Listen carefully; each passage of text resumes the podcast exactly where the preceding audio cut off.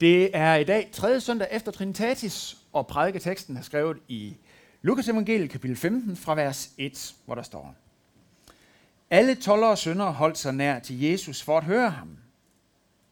Og farisæerne og de skriftkloge gav ondt af sig og sagde, den mand tager imod syndere og spiser sammen med dem. Men han fortalte dem denne lignelse. Hvis en af jer har 100 får og mister et af dem, lader han så ikke de 99 blive i øde marken og går ud efter det, han har mistet, indtil han finder det. Og når han har fundet det, lægger han det glad på sine skuldre.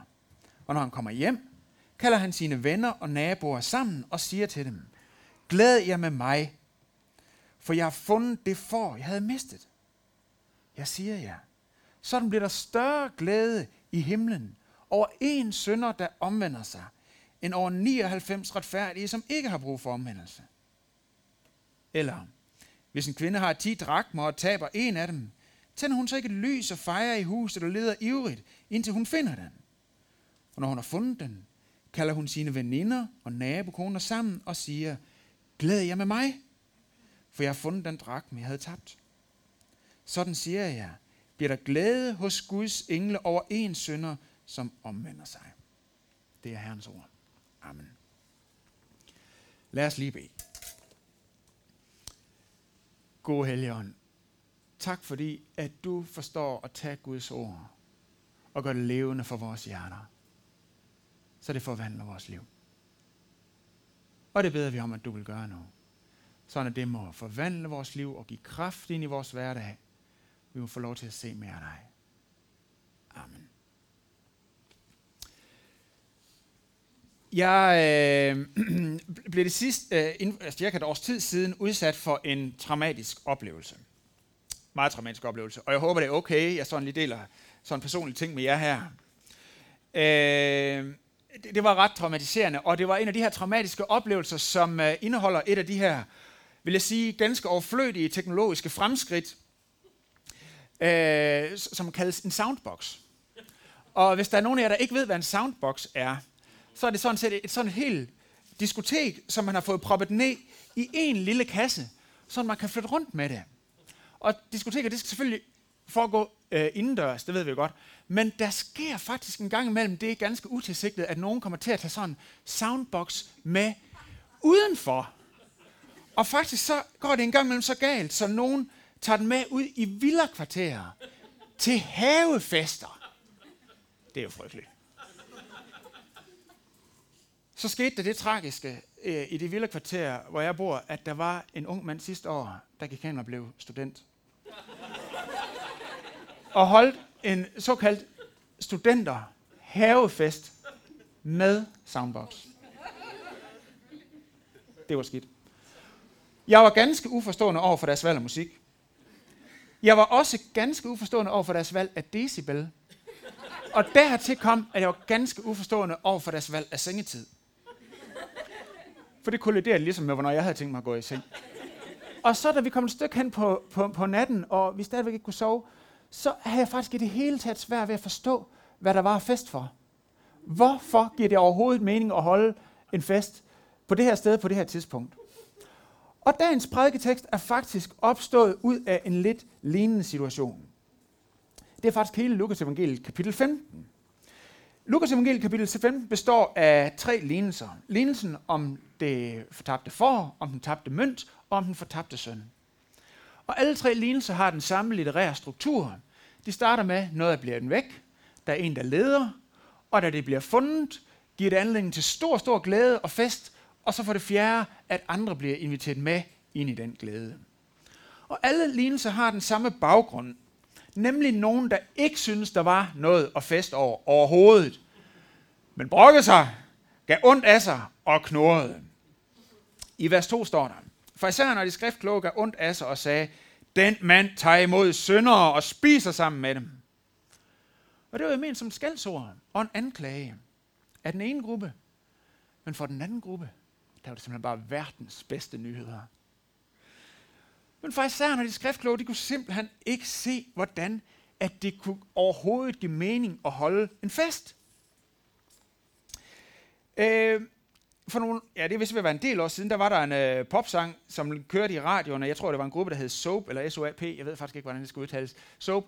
Øh, og den lød noget i den her retning. This is why we party, move it with your body, come on everybody, og så videre, så videre, så videre. Og Jesus han fortæller faktisk de her tre lignelser for at forklare, this is why we party. Det er derfor, vi holder en fest. Han prøver faktisk at forklare det til dem, der ikke kunne forstå det. Og han forklarer, det her, det er den game changer, der gør, at det giver så god mening at holde fest. Og så prøver han at forklare det med de her tre lignelser. Og i dag vil vi stille skarp på den første lignelse, den om foråret. Og det vil vi gøre ved at fokusere ind på tre forskellige ting. Dels foråret, dels forvandlingen og dels fortælleren. Foråret, forvandlingen, fortælleren. Først foråret. For en måneds tid siden, der holdt jeg en prædiken her, hvor Jesus han også omtaler sig selv som hyrde. Han siger, jeg er den gode hyrde. Og det virker til, at det er tæt på at være en af Jesu yndlingsmetaforer. Og vi kan spørge, hvorfor var det så egentlig det? Var det fordi, der ikke var andre dyr, han ligesom kunne bruge øh, til at forklare noget med? Hvorfor kunne han ikke sige, jeg er den gode cowboy, eller jeg er den gode løvetæmmer? Det havde også været fedt. Eller jeg er den gode øh, hundedressør, eller den gode øh, kamelbetvinger, eller, eller hvad det nu måtte være af dyr, man øh, kendte noget til på den tid. Og vi kan måske tænke, jo, men det er jo nok fordi, at får, det er sådan nogle søde dyr. Det er jo nok fordi, at det vil tilhørende gerne høre, vi er sådan nogle nyttede lamsefor. Det er, det er meget behageligt at blive tiltalt på den måde. Men der går vi simpelthen fejl af, hvordan at det er blevet hørt på Jesus samtid. Det at kalde sin tilhører for for, det er simpelthen noget af det tætteste, vi kommer på en åndelig fornærmelse. Fordi for er simpelthen ikke særlig intelligente dyr. Har I nogensinde set en uh, cirkusartist, som viser tricks, han har lært sit for? Nej. Vi har set løvetæmmer, vi har set hunde... Øh, hvad det, kalder man ikke? Hundetricks? Hundetricks. Eller øh, grise er faktisk også meget intelligente dyr. Jeg har set Emil fra Lønneberg, hvordan han har lært sin gris, grisepjokket tricks. En gris er meget mere intelligent end et får. Et får er simpelthen ikke særlig intelligent. Et får mister konstant stedfornemmelsen. Det har det, som kaldes en meget lav spatial intelligens. Fugle er rigtig gode til at finde vej. De kan finde vej helt fra de varme lande og så til den bundegård i Christiansfeld, hvor de lavede redde sidste år. Og det samme kan fisk faktisk. Øh, og hunde, jeg har hørt historier om, hvis nogen har solgt en hund til nogen, så snart den er kommet ud af bilen ved dens nye hjem, så er den bare løben tilbage til den tidlige ejer, selvom det lå langt væk. Og det samme kan katte også. Men får hvis de er kommet rundt om hjørnet og ikke kan se deres flok eller deres hyrde, eller der, hvor de var lige for lidt siden, så, så er de blevet væk og kan ikke selv finde tilbage rundt om hjørnet. Det er lost. Sådan er det. Og øh, det, der får for til at bevæge sig, er jo så som sagt ikke deres øh, stedsans, men deres maver. De navigerer ikke efter deres stedsans, men efter deres maver og går efter lækkert græs. Er der lækkert græs der? Okay, så går vi derhen. Sådan øh, navigerer de. Og øh, det betyder så, at hvis de er et sted øh, i et bjergrigt område, hvor de ser noget lækkert græs op på en klippeskråning, afsted efter det, hop over der, hvor man kan, og op og op og op, der er lækkert græs. Og de har overhovedet ikke gjort sig nogen overvejelser om, hvordan i alverden de skulle komme tilbage. Og det ser man ofte i øh, lande, hvor, hvor der er øh, sådan nogle farlige steder, man kan hoppe hen. At, hvad sker der så, når der ikke er mere græs? Jamen, så skal de tilbage, og så falder de ned og brækker et ben, eller bliver knust mod klipperne. Bum. Nogle steder i engelsktalende lande, så siger præsten det, når han uddeler brød og vin i nadveren, han siger, citat, Feed on him in your heart by faith. Feed on him in your heart by faith. Mæt dig med ham i dit hjerte ved troen. Og den udtalelse antager, at vi mætter vores hjerte med noget. Vi mader vores hjerte med noget for at finde tryghed og lykke. Det kan være mange forskellige ting. Det kan være image, et godt image. Det kan være en status, som vi har, som mader vores hjerte eller slukker en eller anden sult. Det kan være økonomisk sikkerhed, det kan være vores familie, eller det kan være hende eller ham, som vi har forelsket os i og blevet kærester med. Jeg vil prøve at forklare, hvordan det fungerer. Første eksempel. Du har fundet en kæreste, som du er rigtig glad for. Du er simpelthen lykkelig for at få den her kæreste, og glæder dig til, at I skal giftes. Skønt, dejligt, alle tiders. Næste eksempel. Du har fundet en kæreste, som du er rigtig glad for, du glæder dig til, at I skal giftes. Det er skønt, dejligt, alle tiders. Og du tænker, jeg er noget på grund af den her relation. Den her relation giver mig en fremtid. Den her relation giver mig værdi og status. Det giver mig tryghed og mening.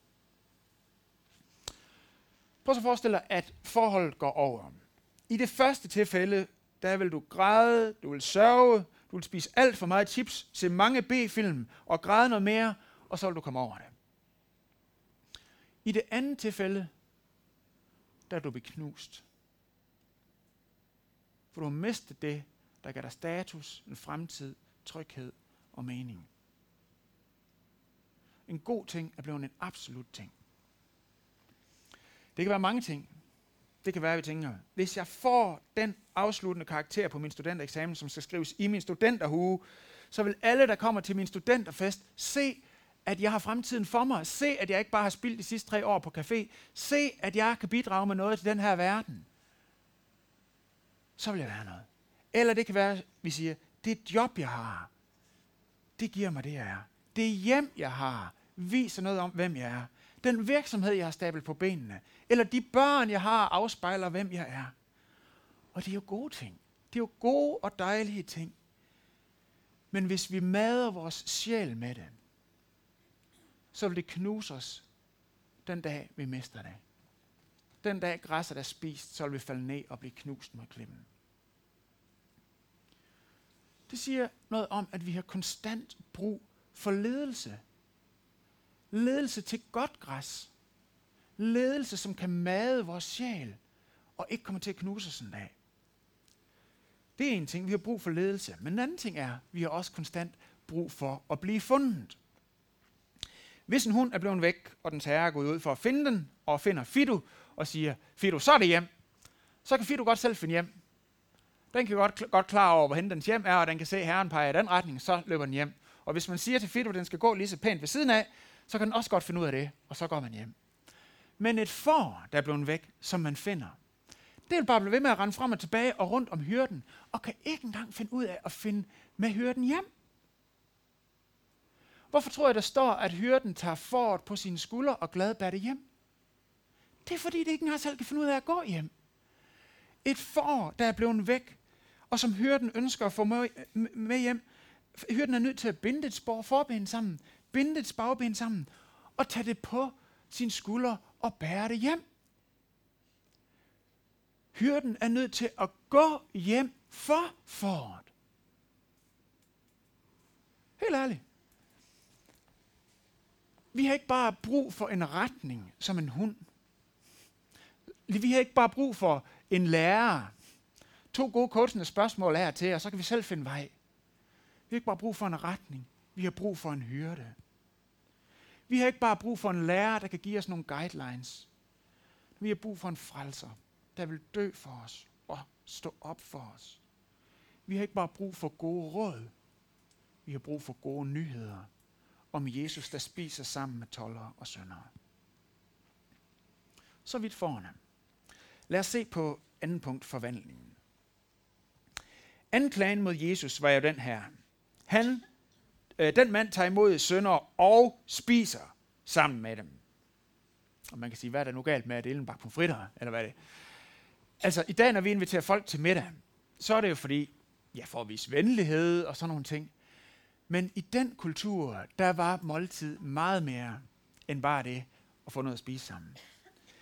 Med at, ved at spise sammen, så, så, så siger man til dem, man spiser med, og til alle, der ser, at man spiser sammen med dem, vi hører sammen.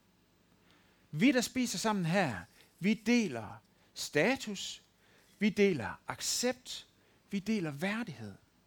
Vi hører simpelthen sammen i den sociale sammenhæng, som vi er en del af.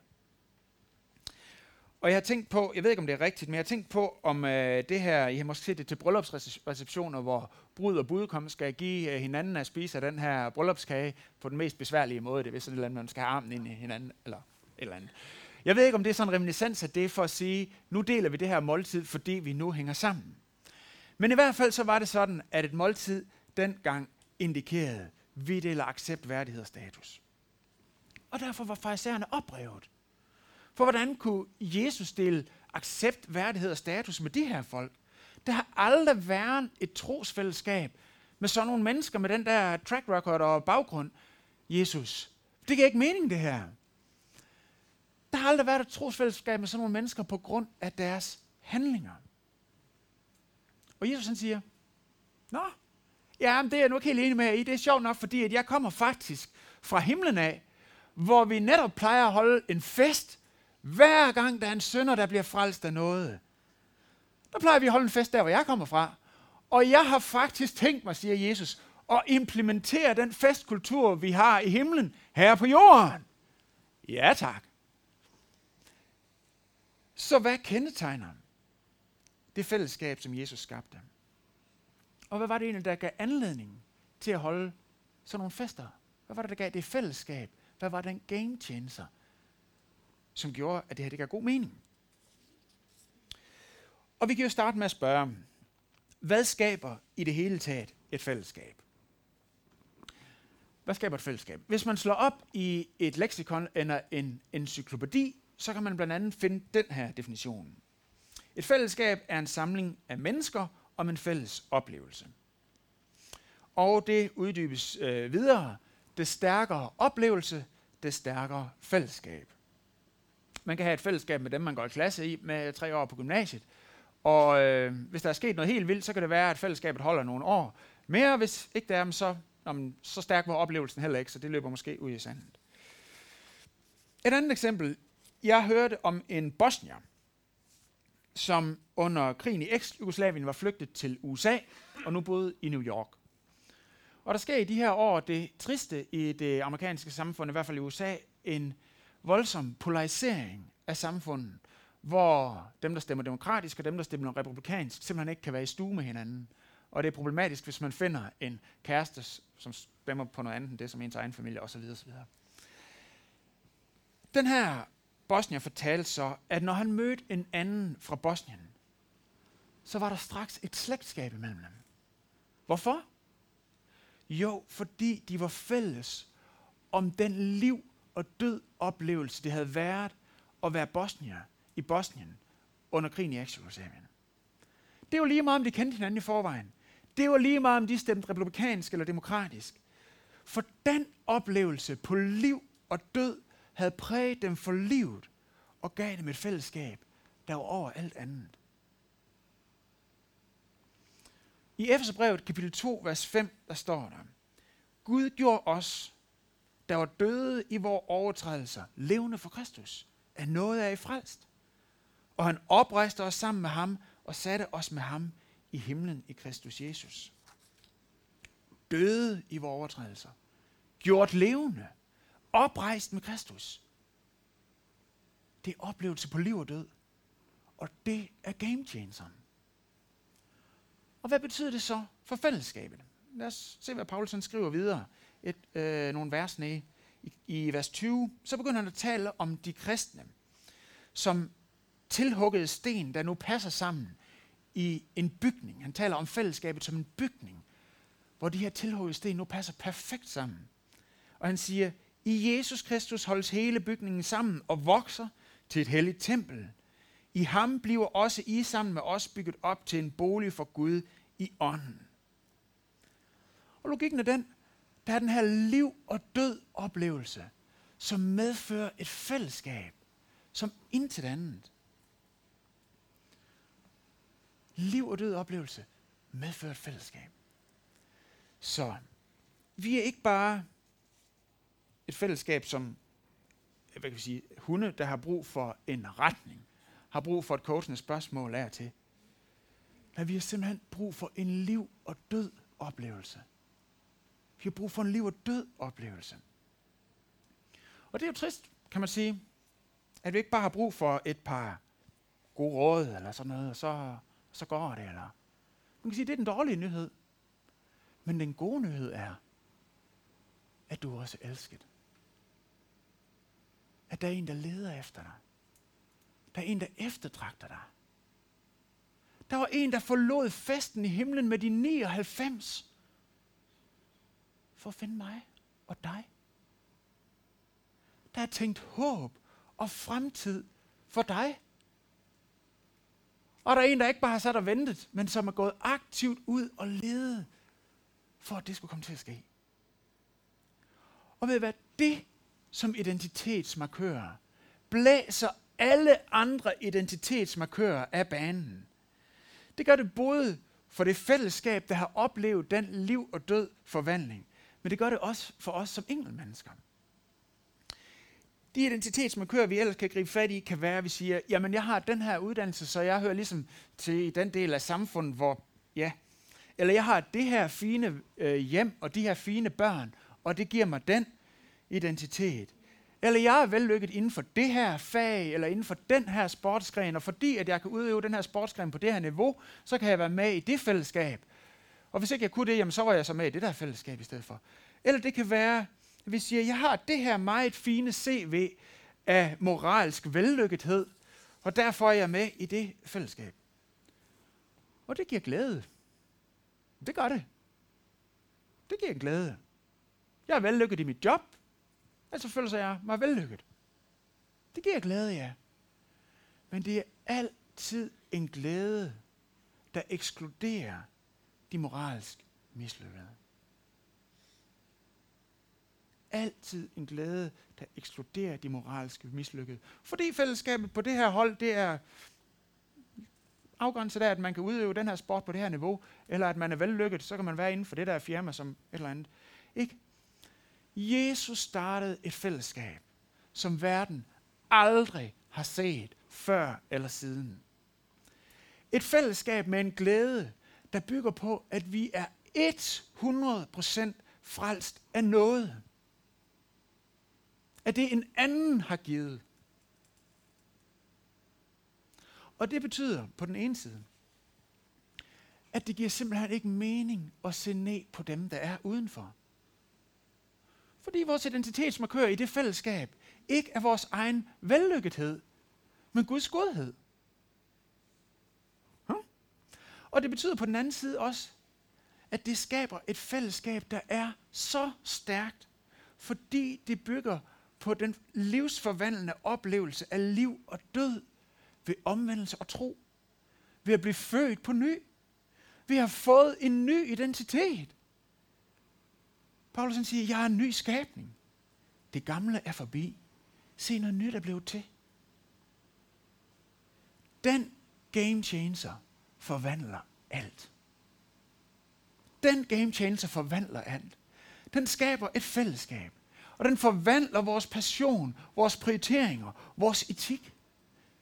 Men mest af alt, så forvandler den vores glæde. This is why we party.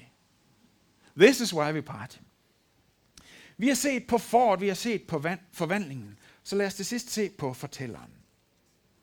For hvad er gamechangeren? Eller måske rettere, hvem er gamechangeren? For gamechangeren her er fortælleren. Og Jesus er fortælleren og hyrden i historien. Og den pointe er faktisk også ret udfordrende.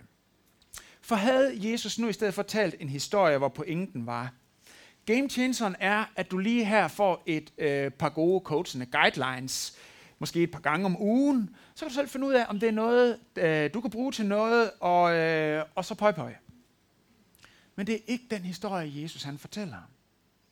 Jesus fortæller en historie om får, der er dybt afhængig af hyrden. Og han fortæller en historie om en hyrde, der må have fuld kontrol over forerne, for ikke at de gør skade på sig selv eller andre. Prøv lige smag på de ord. Fuld afhængighed og fuld kontrol. Altså, helt ærligt, så bliver det ikke mere utiltalende for det selvstændige, individualistiske, postmoderne menneske. Det gør det simpelthen bare ikke. Det gør det ikke. Men Jesus siger, jeg er fortælleren, jeg er hyrden. Giv dig selv til mig 100 procent. Og så vil det postmoderne menneske, så vil jeg stille spørgsmålet. Hvordan kan man nogensinde vise så meget tillid og give så meget råderet til en anden person? Hvordan kan det nogensinde give mening?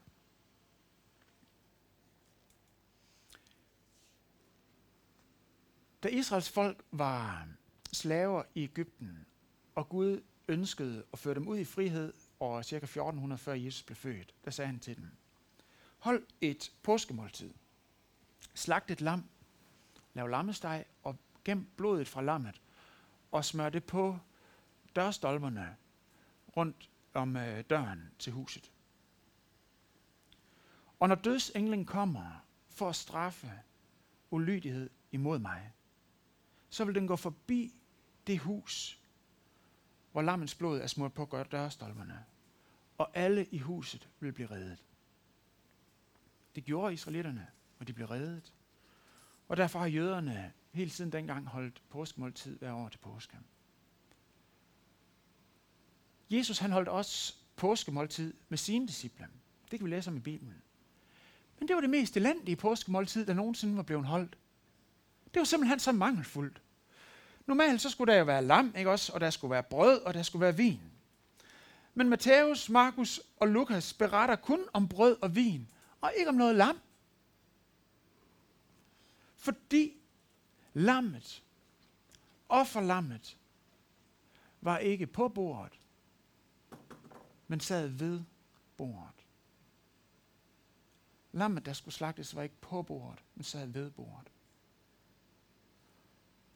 Johannes Døber, han sagde, da han så Jesus komme gående hen imod sig, første gang han så ham, så sagde han, se, det der, det er Guds lam, som bærer al verdens synd. Jesus er den eneste hyrde, du kan stole på, fordi han var den eneste hyrde, der selv blev et lam. Han var den eneste hyrde, der selv blev et lam. Derfor kan du overgive dig til ham. Lad ham finde dig. Lad ham finde dig. Og lad ham løfte dig op og bære dig hjem.